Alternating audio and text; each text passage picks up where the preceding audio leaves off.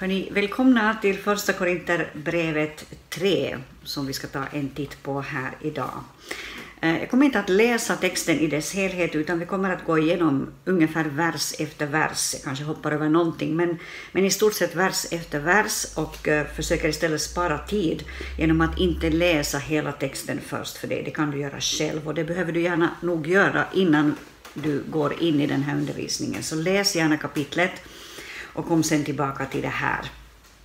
Vi börjar med att säga så här att, att det är lätt hänt att vi idealiserar väckelser som har varit, till exempel Welsh Revival på tidigt 1900-tal, 1904-1905, eller metodistiska väckelsen på 1700-talet, eller anabaptisterna på 1500-talet, eller reformationen på 1500-talet, och skapar en bild av de här tiderna, en bild som kanske är väldigt så här glansbildsaktig. Eh, och ändå vet de flesta som har varit med i en församling lite längre att det handlar om helt vanliga människor, också under väckelsetider.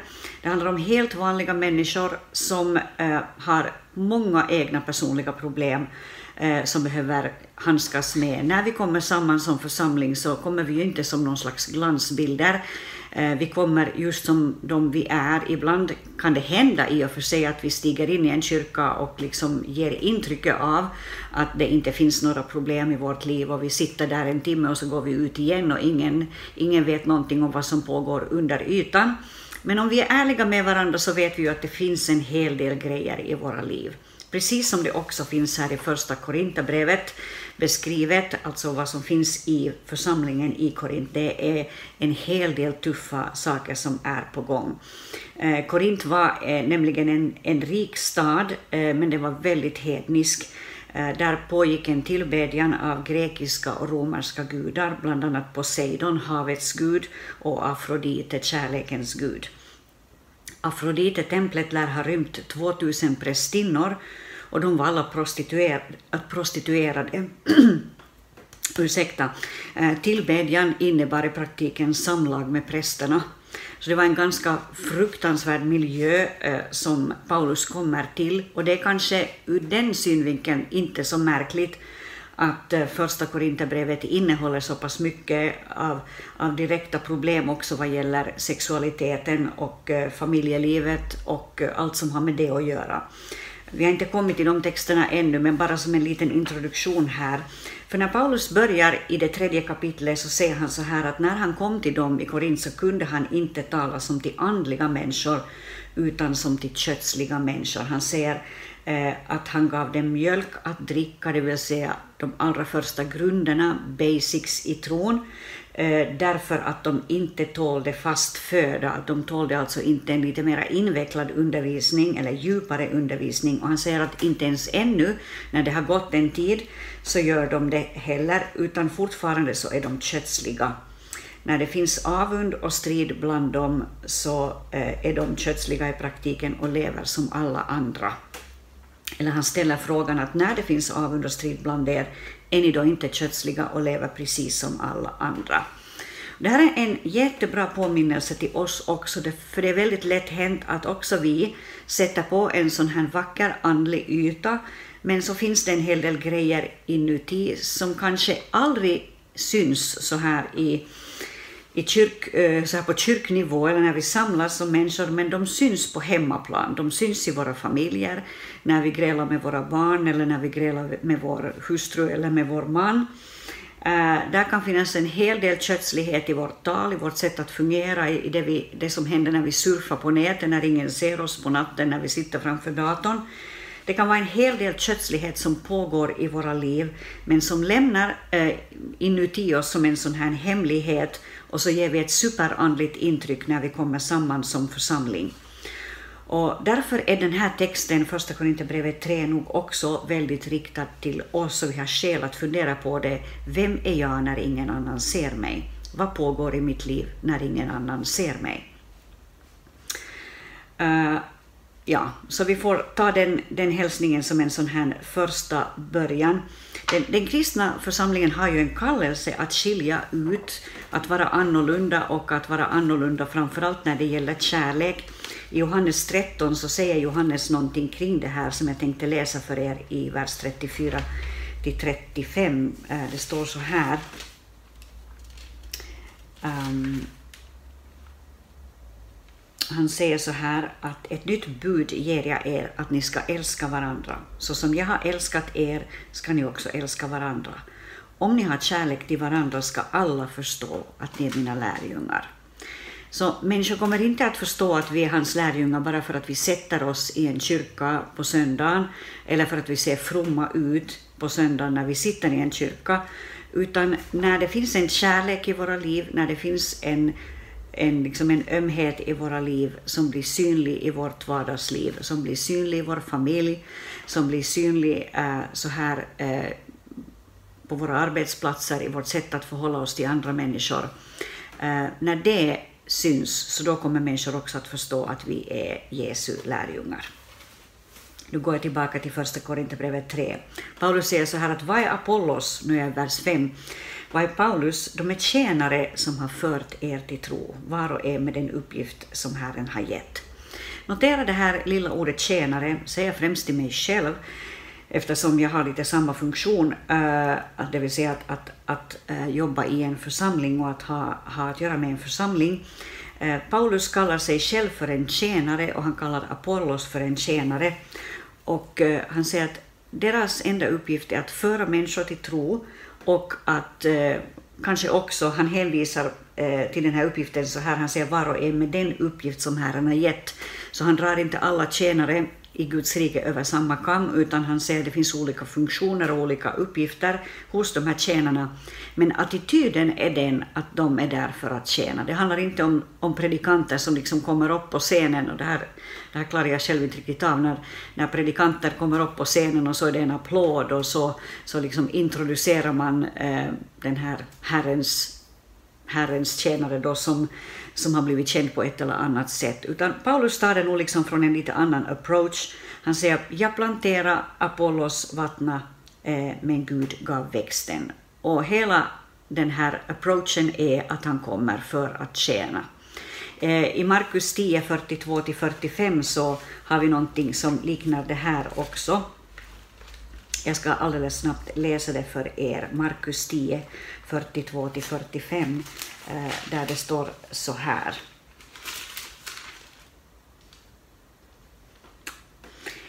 Då kallade Jesus till sig dem, alltså lärjungarna, och sade, ni vet att de som anses vara folkens ledare beter sig som herrar över dem och att deras stormän härskar över dem. Men så är det inte hos er, eller så ska det inte vara hos er. Nej, den som vill vara störst bland er ska vara de andras tjänare, och den som vill vara främst bland er ska vara allas slav. Människosonen, det vill säga Jesus själv, har inte kommit för att bli betjänad, utan för att tjäna och ge sitt liv till lösen för många. Eh, så Jesus säger om sig själv att han kom för att tjäna, att människor skulle uppfatta honom som en tjänare, att han kom för att betjäna de sjuka, att han kom för att betjäna människor i olika situationer. Och detsamma är också, eh, densamma är situationen också för hans, eh, eh, för hans efterföljare och de som, eh, de som är hans lärjungar och är, kallade att, att göra en skillnad där de finns. I Lukas, i Lukas 22 talar så snabbt sen till mig själv. I Lukas 22, 24 och 25 och framåt säger Jesus så här, då sade Jesus till dem, folkens kungar beter sig som herrar över dem och de, har makt, de som har makten kallar sig deras välgörare, men ni ska inte göra så. Den som är störst bland er ska vara som den yngste och ledaren ska vara som tjänaren. För vem är störst? Den som ligger till bords eller den som tjänar? Är det inte den som ligger till bords? Men jag är här mitt ibland er som en tjänare. Eh, och det här är Paulus också ivrig att understryka här i Första Korinthierbrevet 3. Vad är Apollos, vad är Paulus tjänare som har fört er till tro? Och det kommer att vara vår, eh, vår beteckning under hela vår livsvandring, vår vandring som troende eh, genom livet. Vi är tjänare, eh, vi är till för att betjäna andra människor. I våra församlingar är vi också till för att tjäna varandra. Ingen är större än den andra. Funktionerna kan variera, uppgifterna kan variera. Men vi är Guds medarbetare, säger Paulus här i vers 9. Eh, och ni är Guds åker, Guds byggnad. Och lite tidigare där säger han att den som planterar och den som vattnar är ett, de har samma funktion på ett sätt, eller rent tekniskt har de inte kanske samma funktion, men, men de är på samma nivå, det är det jag försöker säga. Och de ska få lön efter sitt arbete. Det är en intressant tanke som Bibeln också kommer till på andra ställen, att det finns en lön uh, i det här andliga arbetet. Och det handlar inte om pengar, det handlar inte om, om liksom att bli stor eller att bli på något sätt upplyft, utan det handlar om någon annan typ av lön. Och det blir spännande att se den dag när vi kommer in i himlen vad, vad det sista slutligen handlar om. Och Paulus är kanske inne på detta också lite senare här i Första Korinthierbrevet 3 Eh, när han eh, beskriver lönen, eh, och vi kommer till det om en liten stund, men före det så säger han så här, med den nåd som Gud har gett mig så har jag som en kunnig byggmästare lagt grunden och nu bygger en annan vidare på den. Men var och en måste tänka på hur han bygger. Så han är noga med att sätta en god grund för det här arbetet som han gör. Och det har han nog, antar jag, också gjort genom det som han beskriver i de två första kapitlen här i Korinthierbrevet när han talar om den här fokuseringen på Jesus Kristus och på, på korset, eh, på Jesus Kristus som Guds vishet och Guds kraft. Eh, och han ville inte veta om någonting annat än Jesus Kristus som korsfäst när han kom till Korint. Det här är liksom den grund som han sätter. Han vill inte att människor Eh, Eh, som finns i hans församlingar ska liksom kanske vara bra på diakonalt arbete och bra på det ena och det andra, men sen inte överhuvudtaget ha något grepp om det här, att allt handlar ju om detta att Jesus Kristus har dött för oss, Jesus Kristus har älskat oss med en evig kärlek, det är grunden för allt det vi gör. Det är kärleken till Jesus som är det drivande eh, momentet i vårt arbete. Det är det som Paulus vill sätta fokuset på. Han säger med den nåd som Gud gav honom så, som en kunnig byggmästare så, så ville han sätta en god grund.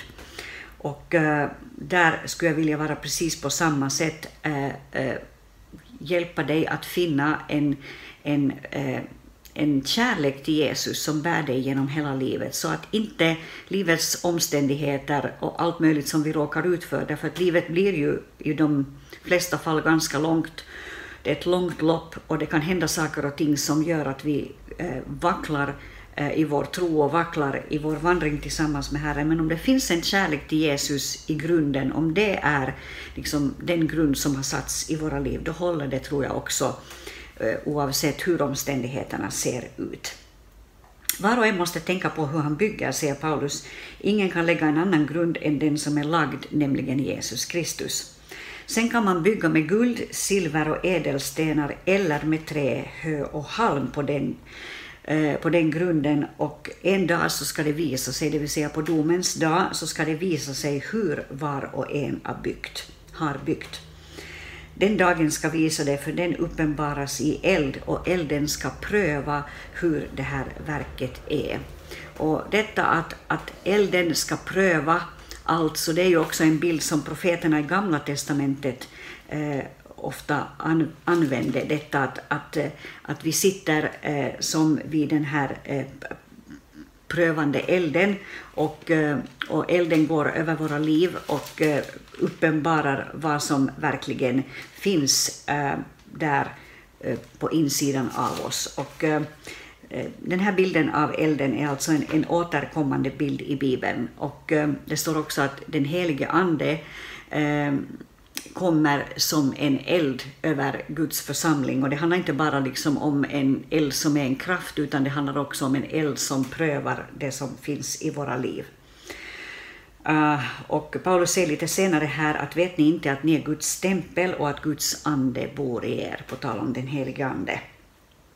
Om någon fördärvar Guds tempel ska Gud fördärva honom. Guds tempel är heligt och det templet är ni. Det här kommer han att komma tillbaka till i det sjätte kapitlet där han också talar om, om kroppen som ett tempel för den helige Ande. Och församlingen i Korint var ju definitivt en församling där det fanns stora problem när det gällde det kroppsliga, när det gällde sexualiteten, när det gällde prioriteringarna, hur man, hur man liksom handskades med sin egen kropp och hur man levde i relationer med andra människor. Och Paulus är, är, är noga med att, att understryka att, att vi är den heliga Andes stämpel, och också, och nu blandar jag in då vers 15, förlåt, vers 13 i det här, att den dagen, alltså domedagen, ska visa hur var och en har byggt. Och den, den, den dagens eld kommer att gå över våra liv och det som inte i oss tål elden eller det som inte håller inför Guds prövning kommer att brinna upp. Det vi har gjort som bara var hö och strå, det som inte var så att säga värt någonting, det kommer att brinna upp, medan det som var goda satsningar, satsningar på Guds rike, eh, med, med rätt hjärta och med rätt attityd, det är sånt som jag förstår eh, kommer att hålla också den dagen. Eh, men den här får vi alltså ta till oss det här som fanns i, i vers 17, att om någon fördärvar Guds tempel ska Gud fördärva honom, Guds tempel är heligt och det templet är ni.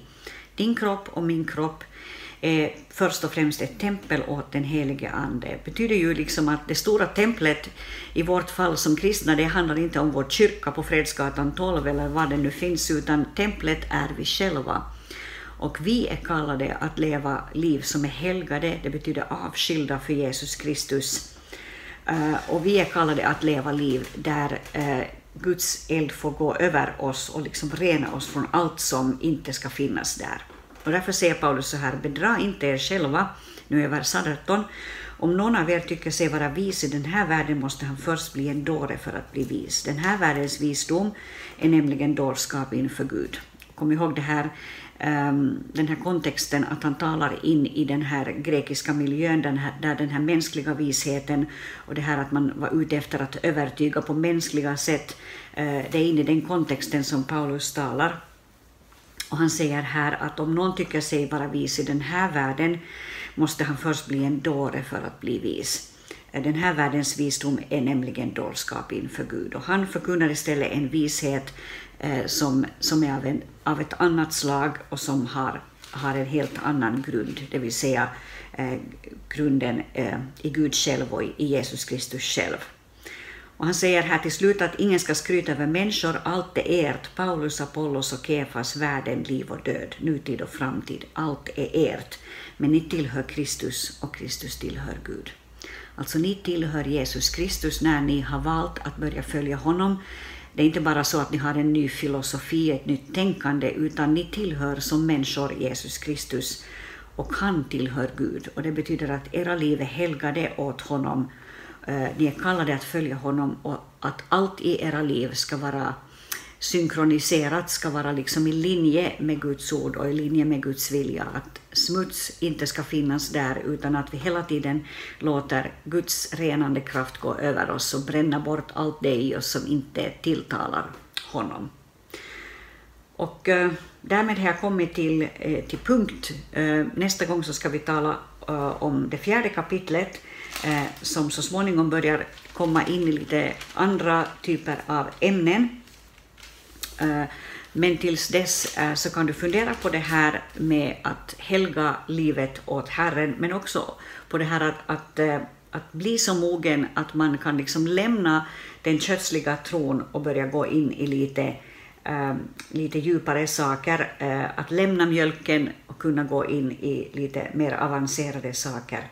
Och allt har att göra med det här med att, att mitt liv, inte bara liksom min, mitt teoretiska kunnande, utan mitt liv eh, ska vara i linje med Guds vilja. Eh, han säger alltså, han sa ju att om det finns avund och strid bland er, då är ni precis som alla andra. Så eh, sånt här kan vi fundera på inför nästa gång och fundera på vad, vilka är mina svagheter, vad behöver jag jobba med för att mitt liv ska bli mer moget och mer eh, i linje med Guds vilja så att jag kan gå vidare i det som han har för mig. Tills dess, må väl.